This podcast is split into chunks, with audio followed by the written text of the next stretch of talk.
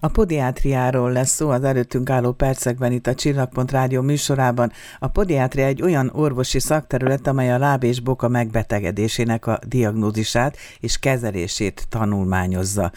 Podiáterek is vannak, mert nem feltétlenül orvos teszi ezt, hanem diplomával rendelkező szakember.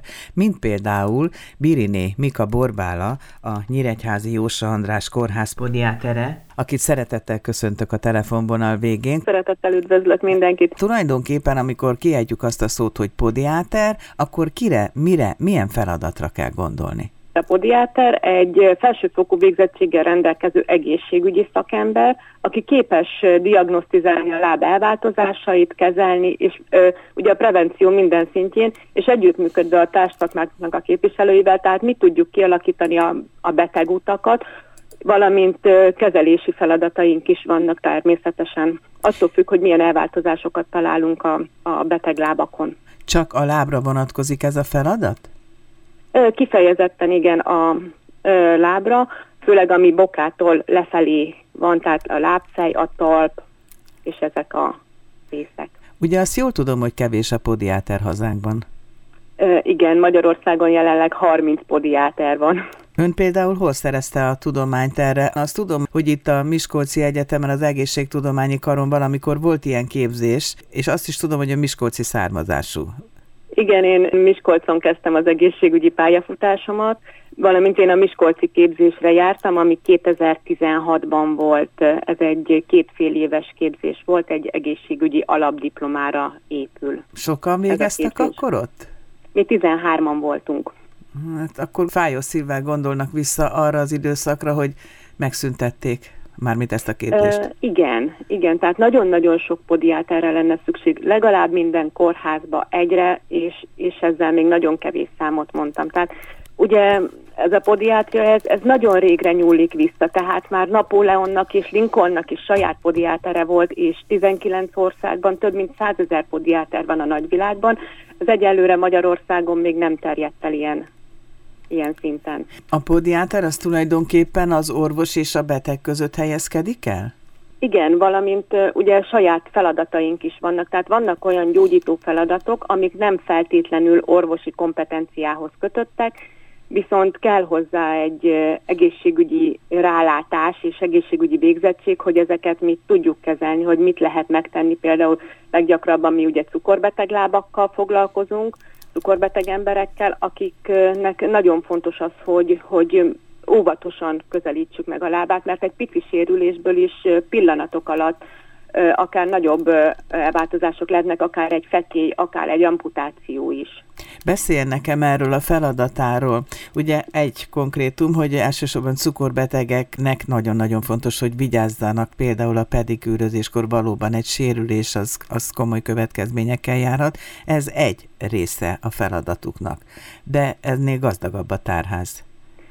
Persze, tehát természetesen, tehát a prevenció minden szintjén van nekünk külön feladatunk. Tehát eleve minden cukorbetegnek évente egyszer egy ilyen lábvizsgálaton célszerű lenne részt venni, és ott eldöntjük és látjuk, hogy, hogy milyen elváltozásokat tapasztalunk. Tehát amennyiben nincs semmiféle panasza, és nincs semmiféle elváltozása, akkor, akkor évente egyszer egy szűrési jelleggel várjuk őket a vizsgálatokon. Viszont, hogyha ott találunk bármiféle elváltozást, gondolok itt ö, alaki vagy funkcionális elváltozásra, esetleg sebekre, sérülésekre, akkor, akkor ugye jóval gyakrabban kell megjelenni a szakrendelésen, és ö, további kezelések válnak szükségessé. Tehát itt gondolok egy, egy bőrkeményedésnek a szakszerű eltávolítására, de akár a sebeknek a megfelelő kezelésére, akár a tehermentesítésre is, mivel mi egy ilyen centrum szerepbe vagyunk, tehát nekünk a betegutakat is ki kell alakítani. Tehát, hogyha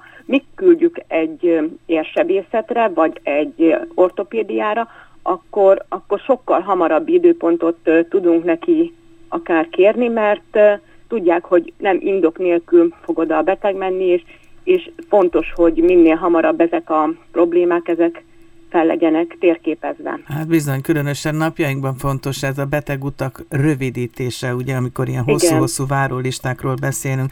Ha már említette az érsebészetet, meg az ortopédiát, mennyire vált nyilvánvalóvá, hogy a podiátria létezik, és a podiátriának milyen nagyon fontos szerepe van a szakmán belül?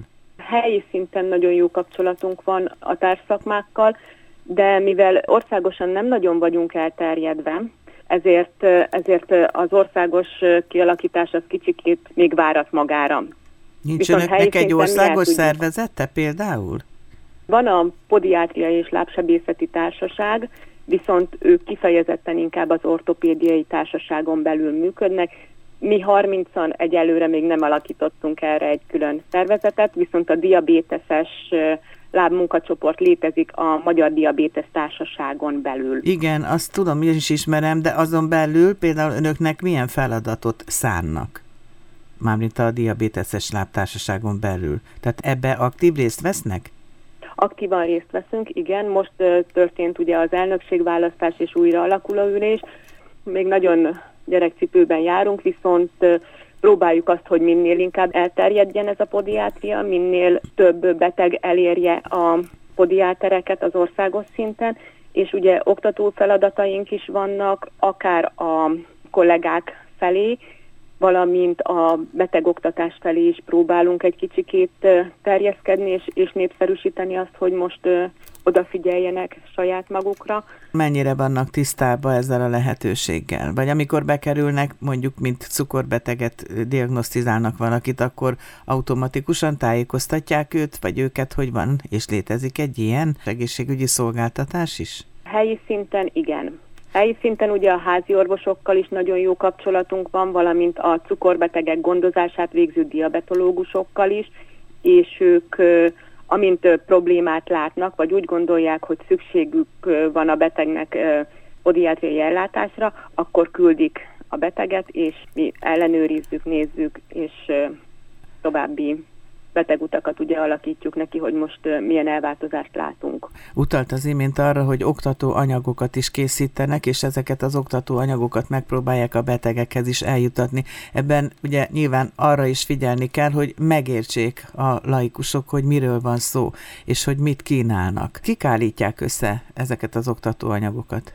Szakemberek állítják össze, valamint mi podiáterek is, és kifejezetten olyan nyelvezeten, ami, ami a betegek számára érthető. Tehát van egy úgynevezett ilyen podiátriai javaslatunk, amit mi helyi szinten szoktunk adni minden megforduló cukorbetegnek, valamint ugye amikor ott vannak nálunk vizsgálaton, és akár csak egy szűrés is történik, mindenkire egyénre szabottan van a beteg oktatás, mert ugye teljesen más dolgokat kell elmondani egy idős úrnak, mint egy fiatal hölgynek, tehát akár a lábápolással kapcsolatban is. Azám, rögtön megkérdezem azt is, hogy korosztály szempontjából, meg nemek szempontjából kik az érintettebbek?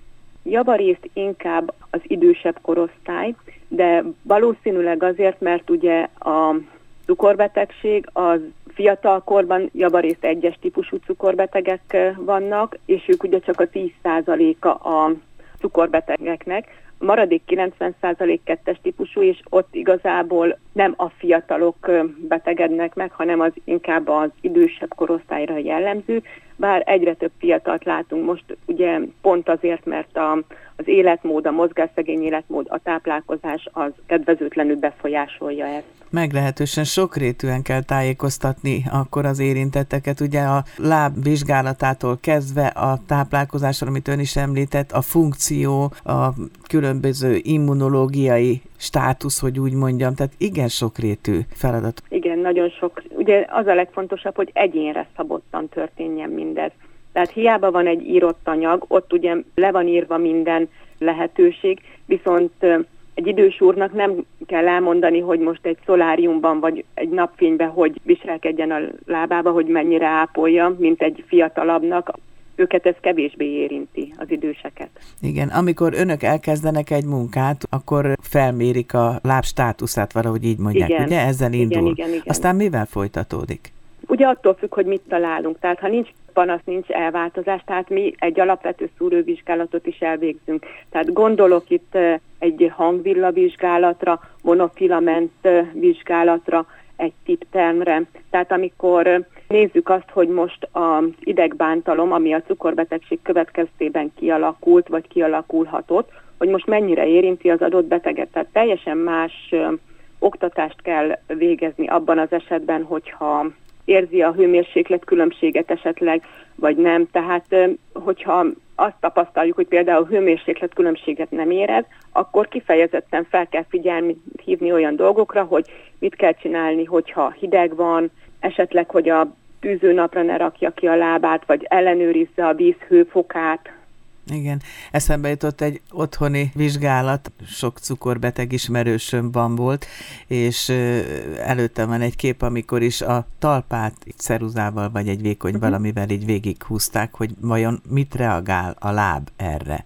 Ez reflexvizsgálat, igen. És ez Ezt már... Inkább a neurológusok szokták végezni. És ez már üzen, már valamit mond, mert hogyha nem reagál rá, akkor ott már sokkal komolyabb a baj egy ilyen cukorbeteg lábnál. Igen, mert a, ugye a fájdalomérzet elvesztése, ami a legrosszabb ebben az esetben, ugyanis a fájdalom egy jelzés.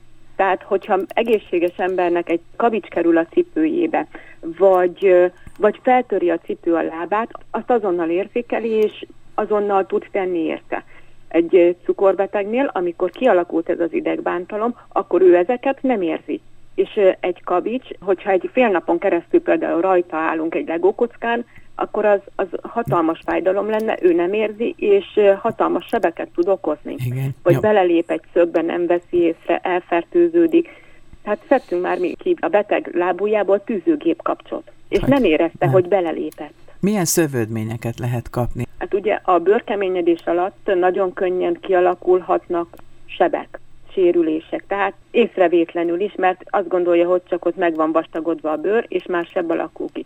Ugye a vastag bőrön nem tud a esetleges váladék távozni, esetleg baktériummal, picirésen felülfertőződhet, és ugye a csont irányába elindulhat. Tehát egy csonthártyagyulladás, egy úgynevezett osteomielitis is kialakulhat, ami ugye egy végtagot veszélyeztető állapotnak a, az előszobája. Hogyha ez tovább terjed, akkor, akkor ténylegesen veszélybe kerül akár a lába a betegnek. Igen. Milyen rehabilitációs lehetőségek vannak? hogyha már seb alakult ki, akkor mindenképp tehermentesíteni kell ahhoz, hogy gyógyuljon. Ez vagy ortézisek segítségével történhet meg, vagy esetleg különböző diabéteses gyógycipők segítségével, vagy totál tehermentesítéssel, hogy gyógyuljon a seb, valamint a gyulladás is esetleg szűnjön. Tehát ilyen irányba, tehát hogyha már a hangvillavizsgálat igazolja, hogy most ott egy kialakult idegi szövődmény van, akkor már gyógycipő viselési az egy javasolt lehet. Kétszer is hangsúlyozta, hogy itt helyileg jó a kapcsolat a társszakmákkal, egymással. Milyen kapcsolatot tartanak? Ez a 30 podiáter az országban. Ebből a 30-ból nem mindenki dolgozik podiáterként. Uh-huh. Sőt, azt tapasztalom, hogy igazából körülbelül egy harmada, aki aki lehetőséget kapott, hogy podiátriai tevékenységet végezzen. Visszatérve, nagyon jó a kapcsolatunk, tehát főképp azokkal tartom én jelenleg a kapcsolatot, akikkel egy évfolyamon végeztünk. Ha nem is napi szinten, de azért viszonylag gyakran beszélünk, tudunk egymásról, hogy ki mit csinál. A másik évfolyammal kevésbé tartjuk a kapcsolatot, kongresszusokon szoktunk találkozni, és eszmecserét folytatni, hogy Tuk. milyen lehetőségek igen, vannak. Igen, Mi az oka annak, hogy ennyire kevés a podiáter? Igazából nem vagyunk elterjedve. Akár orvosok, akár a betegek szempontjából sem nem tudják, hogy mi, mi létezünk. És nem tudják azt, hogy igazából mi tartozik a mi feladataink közé. És Biri Némika Borbála honnan tudta, hogy létezik podiátria? Az én helyzetem az érdekes volt, én itthon voltam a kisfiaimmal Gyeden, és amikor visszamentem, engem a főnököm ezzel várt, Miskolci Egyetemen indul egy képzés, és megyek. Tehát nem volt más választás? Akkor úgy nem volt más választás, viszont tudta a főnököm, a Gázsolt főorvos úr, hogy engem ez nagyon érdekel. Tehát eleve a prevenció is, tehát már nekem a szakdolgozati témáim is folyamatosan prevenciós témák voltak, és hogy engem ez biztosan érdekelni fog, és nagyon jól döntöttem, hogy elvégeztem, mert hatalmas lehetőséget kaptam a kezembe, és a betegek szempontjából ez szintén hatalmas lehetőség, hogy hogy működünk, és van kihez fordulni. Hát most már az lenne egy másik ilyen feladat, hogy minél többen legyenek, kiszélesíteni azt a fajta oktatást is, amiben ön és a évfolyam társai részesültek, mert mindenképpen szükség van az önök munkájára. Minden beteg örülhet annak, hogyha ennyire testre szabottan foglalkoznak vele, meg hát nyilvánvaló, hogyha eredményt érnek el, azt még inkább jó néven veszik. És hát a másik az, hogy jó lenne, hogyha más kórházakban is úgy fog elfogadnák a podiátereket, a podiáterek tevékenységét, mint a Nyíregyházi Jósa András kórházban. Azt hiszem, hogy ezzel egyetértünk. Igen, fantasztikus lehetőséget kaptam ezzel, hogy, hogy működhet a szakrendelünk, és, és ezt a betegek is érzékelik, hogy azóta sokkal jobban karban van tartva a lábuk. Búcsúzol egyetlen kérdés, oda csak körzetileg vagy területileg illetékesek mehetnek, vagy az ország más részéről is? Az ország más részéről is jönnek betegek, mivel nagyon kevesen vagyunk, és nem minden megyében érhető el podiátriai ellátás, ezért gyakran Borsod-Heves megye betegei is jönnek. Köszönöm szépen, és sok sikert kívánok Biri Némika Borbálának további eredményeket a munkájában. Viszont hallásra. Nagyon szépen köszönöm.